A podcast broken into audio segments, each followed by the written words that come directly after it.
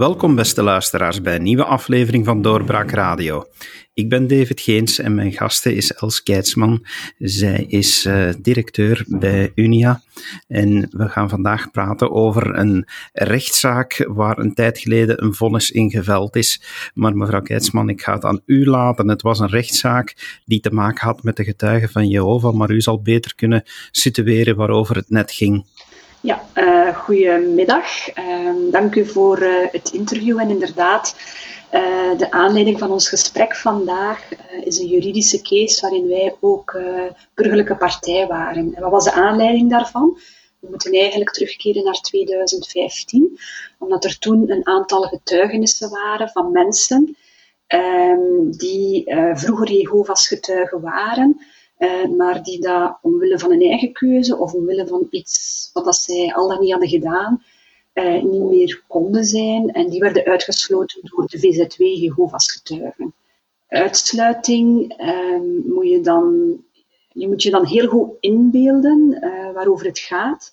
Het gaat echt over een manier van werken, een procedure, een uitsluitingsprocedure die eigenlijk maakt dat de mensen in, in een ongelooflijk sociaal isolement terechtkomen. Het is, tot, het is eigenlijk een sociale doodsverklaring, uh, waardoor het ja, niet meer mogelijk is om eigenlijk nog op een uh, normale manier met je familie om te gaan. Eigenlijk is er geen omgang meer. Hè. Daar gaat het om. Het, het is het zogenaamde shunningbeleid. Dat is de naam die daaraan wordt gegeven.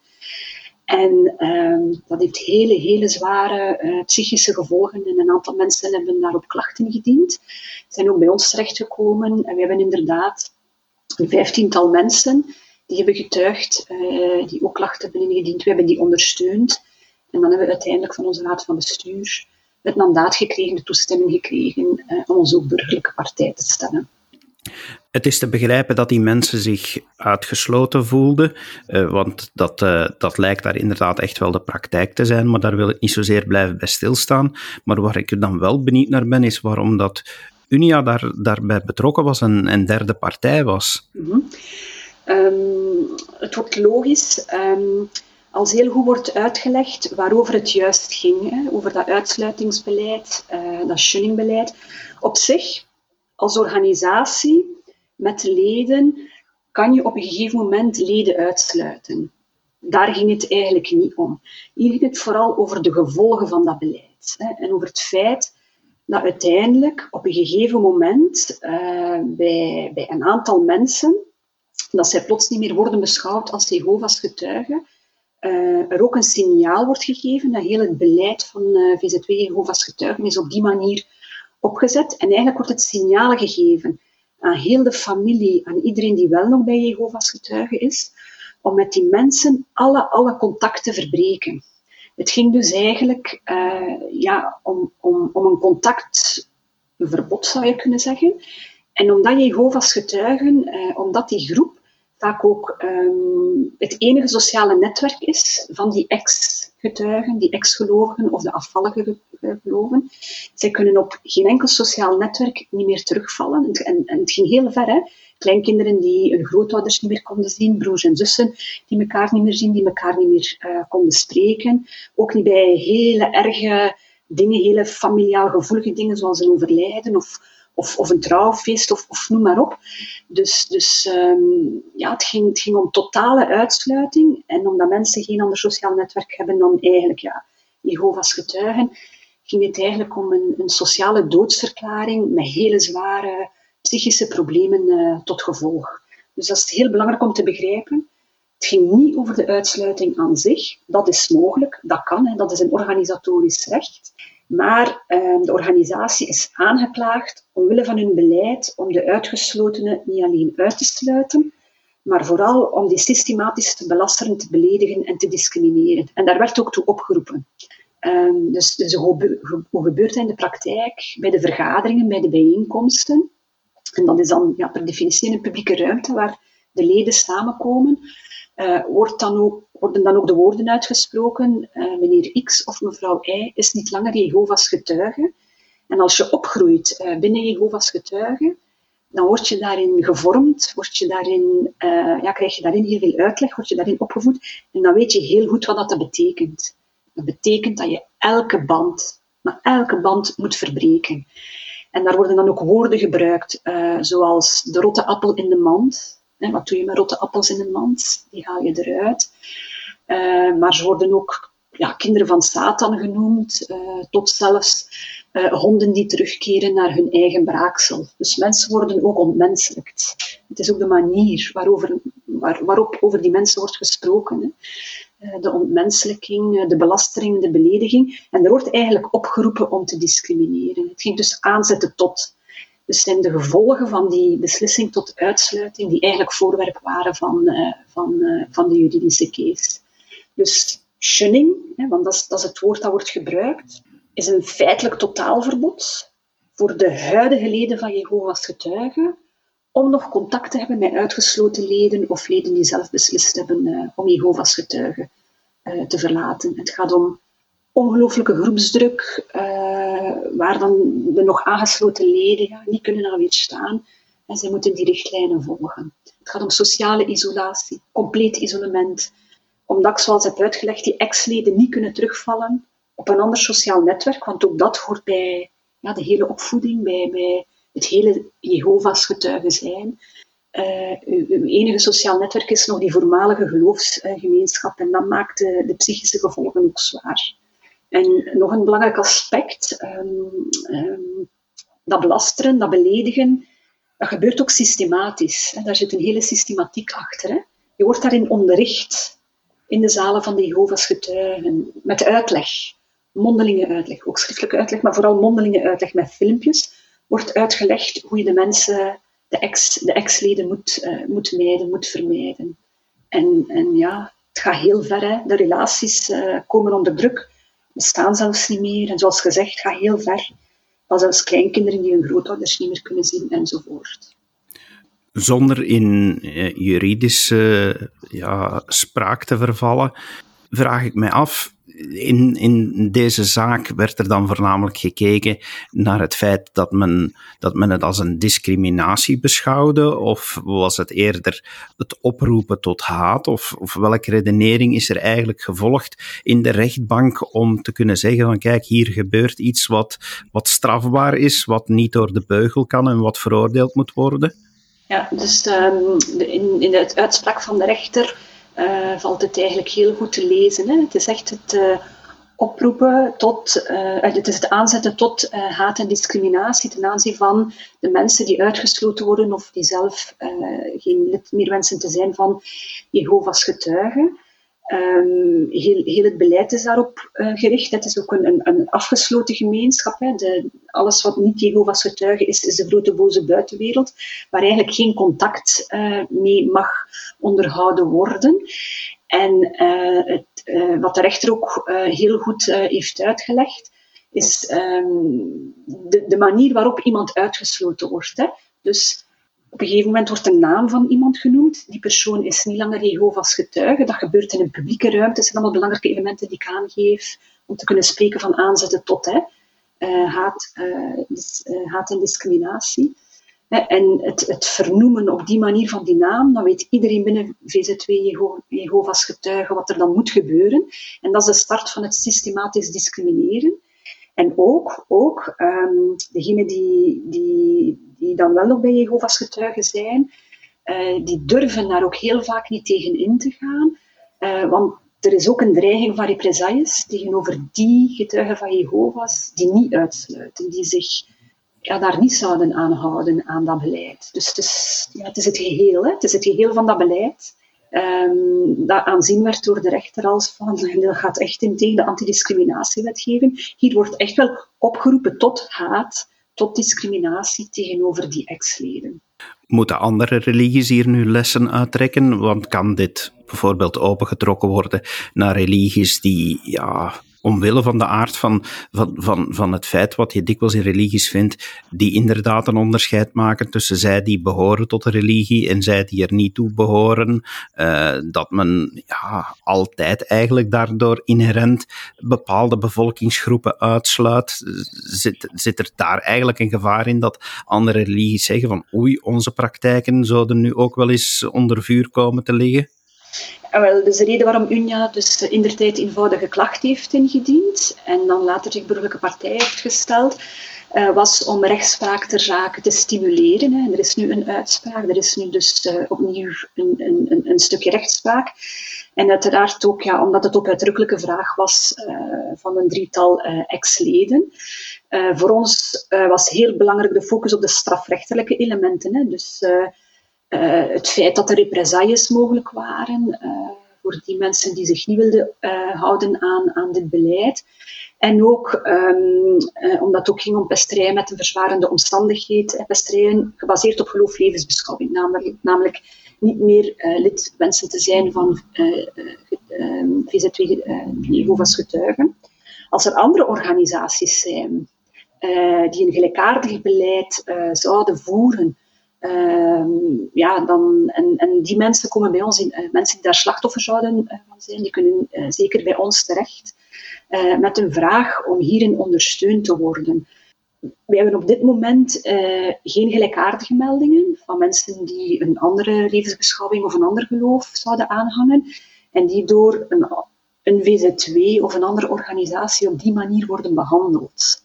Waar we zelfs soms wel melding van krijgen, is mensen die bijvoorbeeld een moeilijke relatie hebben met hun ouders of een moeilijke relatie hebben met een familie, omwille van het geloof niet meer aanhangen, of omdat ze zich bijvoorbeeld geoud hebben uh, als holibi zijnde, uh, of om nog andere reden. Um, maar dat kan je niet helemaal vergelijken met hier, omdat het hier ging om een VZW die een bepaald beleid uitgestippeld heeft en die de leden van, van haar VZW, hè, dus al die leden van v, VZW Jehovah's getuigen, of degene die het geloof aanhangen, Ehm, ook heel goed onderricht in wat er moet gebeuren. In dit geval met bijvoorbeeld de mensen die ervoor kiezen om van geloof te veranderen of om niet meer te geloven, of die iets hebben gedaan dat tegen de geloofsregels ingaat. Uh, bijvoorbeeld um, um, buiten het huwelijk met iemand anders een relatie beginnen of voorhuwelijkse betrekkingen. Um, of ja, er zijn heel veel uh, regels uh, wat betreft Jehovah's getuigen. Ik ken ze ook niet allemaal. Hè. We hebben ook geen, geen uh, analyse gedaan uiteindelijk van, van alles wat tot het geloof behoort.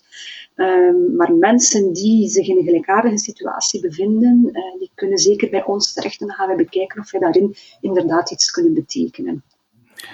Maar staat dat dan niet een beetje op het zelfbeschikkingsrecht van een organisatie? En zelfs al is het een kerk of een religie, om te beslissen van kijk, er zijn redenen waarom we u niet langer als lid beschouwen.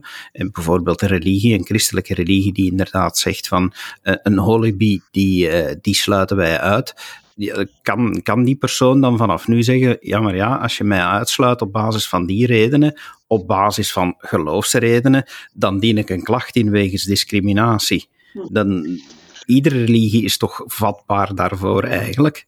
Eh, zoals in het begin gezegd, uh, uiteindelijk een lid uitsluiten is een organisatorisch recht. Hè. Daar gaat het niet om. Hè. Daar ging deze case ook niet om. Uh, de uitspraak hier is geveld omwille van de gevolgen van ja, een, een, een heel diepgaand, allesomvattend beleid van shunning. Hè. De gevolgen van dat beleid zijn en waren heel erg voor de ex-getuigen van Jehovah. Hè. Um, het was heel duidelijk op een gegeven moment wat er moest gebeuren van zodra mensen niet meer werden beschouwd als lid van.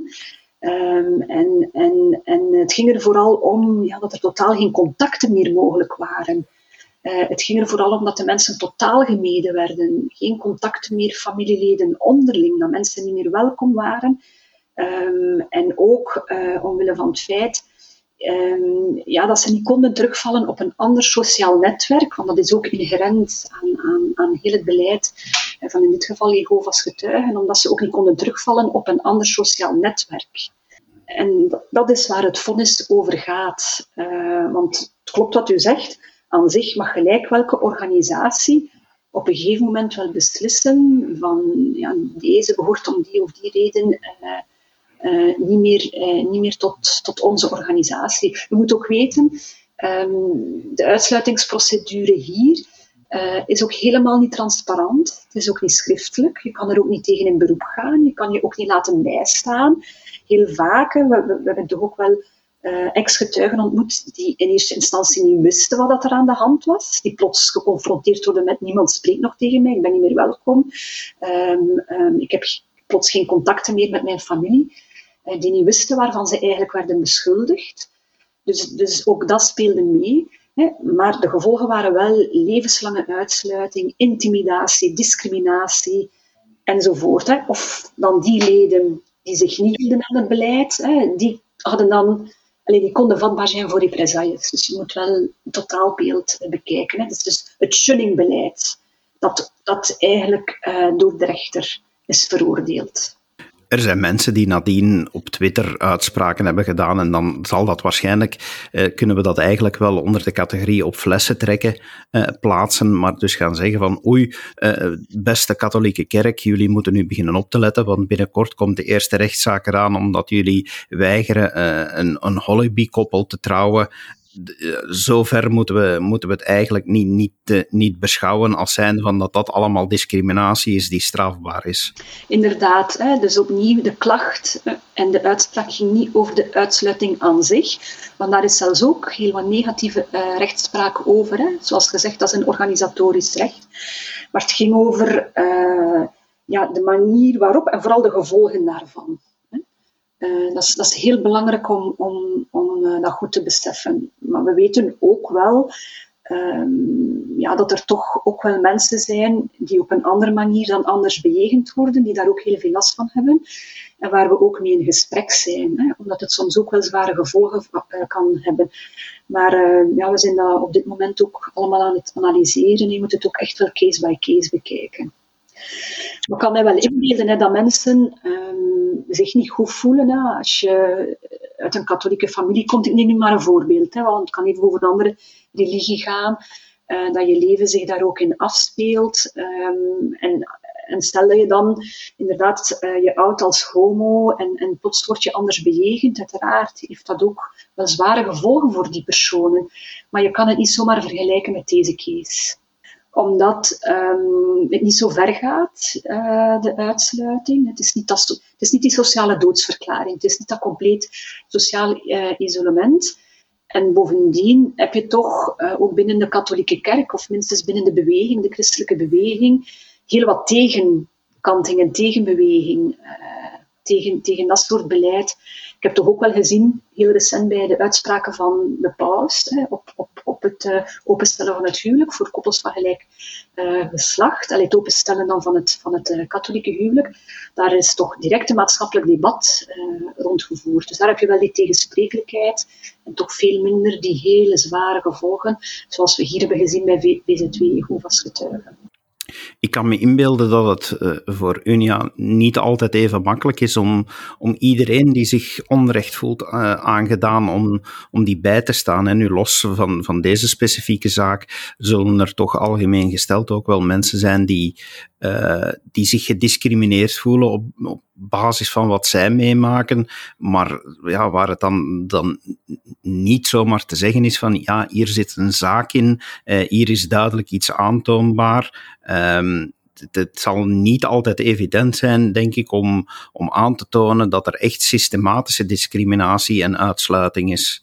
Ja, dat klopt inderdaad. Hè. Um, als mensen met ons contact opnemen, ja, het eerste wat wij doen is natuurlijk heel goed luisteren en een eerste advies geven. Hè.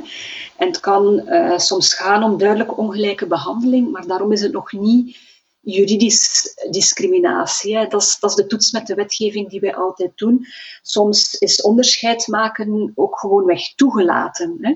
En dan is de antidiscriminatiewetgeving niet het gepaste instrument om daaraan iets te doen. Of, of het kan ook heel goed zijn dat het uh, onderscheid dat wordt gemaakt uh, uh, ja, wel degelijk toegelaten is. En um, terwijl die ongelijke behandeling als zodanig wel, wel, wel wordt aangevoeld. Hè. En ja, als we dan dat advies moeten geven, dat klopt dat mensen daar dan niet altijd tevreden over zijn. En we begrijpen dat ook. Hè. Maar als mensen met ons contact opnemen, zoals gezegd, we luisteren we e-, eerst, we, we analyseren. Um, als we bevoegd zijn, als we denken dat de antidiscriminatiewetgeving uh, inderdaad van tel is, nemen we in de regel ook altijd contact op met de andere partijen, de schooldirectie, de werkgever, de huisbaas, ehm, de collega op het werk, noem maar op.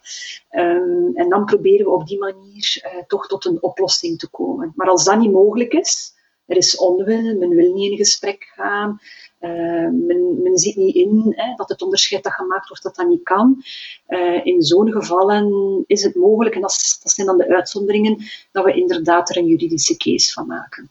Maar het klopt, het is, het is niet altijd eenvoudig om, ja, om dan uit te leggen dat het ofwel geen discriminatie is, of wat dat mensen aanbrengen niet echt uh, het thema is waar, waar Unia een uitspraak kan over doen of waar Unia kan in handelen. Stijgen de klachten tegenwoordig nog bij Unia of zit daar een status quo in? Um, ik kan nu nog niet de cijfers geven van vorig jaar. Die gaan wij binnen een paar weken uh, communiceren. Uh, maar ook vorig jaar hebben wij opnieuw een grote stijging vastgesteld van het aantal meldingen bij Unia. Um, wij hebben op een gegeven moment ook een, um, een uh, publicatie uitgebracht naar aanleiding van de COVID-crisis. Omdat we, ja, we leven nu allemaal al een uh, jaar, meer dan een jaar ongeveer uh, met die pandemie, met het virus, met die coronacrisis. We hebben daar natuurlijk ook ja, heel veel meldingen over gekregen en ook heel veel aandacht aan besteed. En in de onderzochte periode, dat ging toen van februari uh, tot augustus vorig jaar. Uh, in die periode ging het om een stijging met uh, meer dan 30 procent. En ongeveer een derde van de meldingen die wij binnenkregen waren ook corona-gerelateerd. Maar dat ging over van alles. in het begin van de pandemie kregen wij vooral meldingen binnen van mensen van Aziatische herkomst of met Aziatisch uiterlijk. Die werden gediscrimineerd of zaken naar, naar het hoofd geslingerd kregen. dat was toen we nog sprak van het Chinese virus. Hè. En, en uh, toen bleek dat het uh, virus afkomstig was uh, uit China. Een beetje later ging het om zorgkundig personeel dat anders werd behandeld. Wellicht vanuit een schrik bij huiseigenaars of winkelpersoneel van oei, iemand werkt in een ziekenhuis en is dus meer vatbaar om besmet te worden met. Tot later, uh, na verstrengingen, kwamen er versoepelingen. Dan hebben we heel veel meldingen binnengekregen over de manier waarop werd versoepeld. Omdat wat, wij hebben vastgesteld is dat heel de coronacrisis, uh, de manier waarop de crisis werd aangepakt, heeft heel wat ongelijkheden blootgelegd, maar heeft er nieuwe veroorzaakt. En zeker bij de versoepelingen hebben wij toch wel gezien ja, dat, dat, dat men uh, te, vaker van, te vaak is uitgegaan van een gemiddeld gezin, een gemiddelde persoon, een ideale persoon. Dat men te weinig rekening heeft gehouden met kwetsbare mensen, mensen in armoede, uh, mensen uh, in kleine appartementen, mensen zonder tuin, enzovoort en zo verder. Ja, eigenlijk voor heel veel mensen is de coronacrisis nog een pak moeilijker geweest dan voor de gemiddelde Belg. En uh, ja, dat heeft toch wel geleid tot uh, heel veel meldingen bij Unia en dus bijkomende werkdruk. Eigenlijk is dat dan toch een les die het beleid zou kunnen, kunnen leren van, uh, ja, goed, altijd opletten, want ongelijkheid zit er soms sneller in dan dat je zou verwachten. Dat is zo. Dat is eigenlijk een les die, we, die we hebben geleerd en die we ja, ook, ook hebben meegegeven aan het beleid. Wij wisten dat natuurlijk al, dat we in een zeer ongelijke samenleving uh, leven. Hè. Of het nu het onderwijs is, of in de publieke ruimte. Hè. Zelfs de publieke ruimte is ongelijk verdeeld. Of het nu gaat over het al dan niet hebben van een job, uh, of goed verdienen wij, verdienen, noem maar op. Wij wisten wel al dat de samenleving zeer ongelijk was en te weinig inclusief, als ik uh, dat woord mag gebruiken. En de coronacrisis, de, de pandemie, heeft, heeft dat eigenlijk heeft ons daarmee onze neus nog een keer extra opgedrukt. Maar dan vooral de aanpak. De aanpak van die crisis heeft nieuwe ongelijkheden veroorzaakt. En nog, hè, want nu zijn we, focussen we heel hard op de vaccinatiestrategie. Um, niet zozeer uh, vaccinatie zelf, want wij zijn, wij zijn niet de vaccinatiespecialisten, maar wij bekijken vooral hoe wordt die vaccinatiestrategie uitgedokterd. Hè? Uh, gebeurt, die, gebeurt die inclusief genoeg?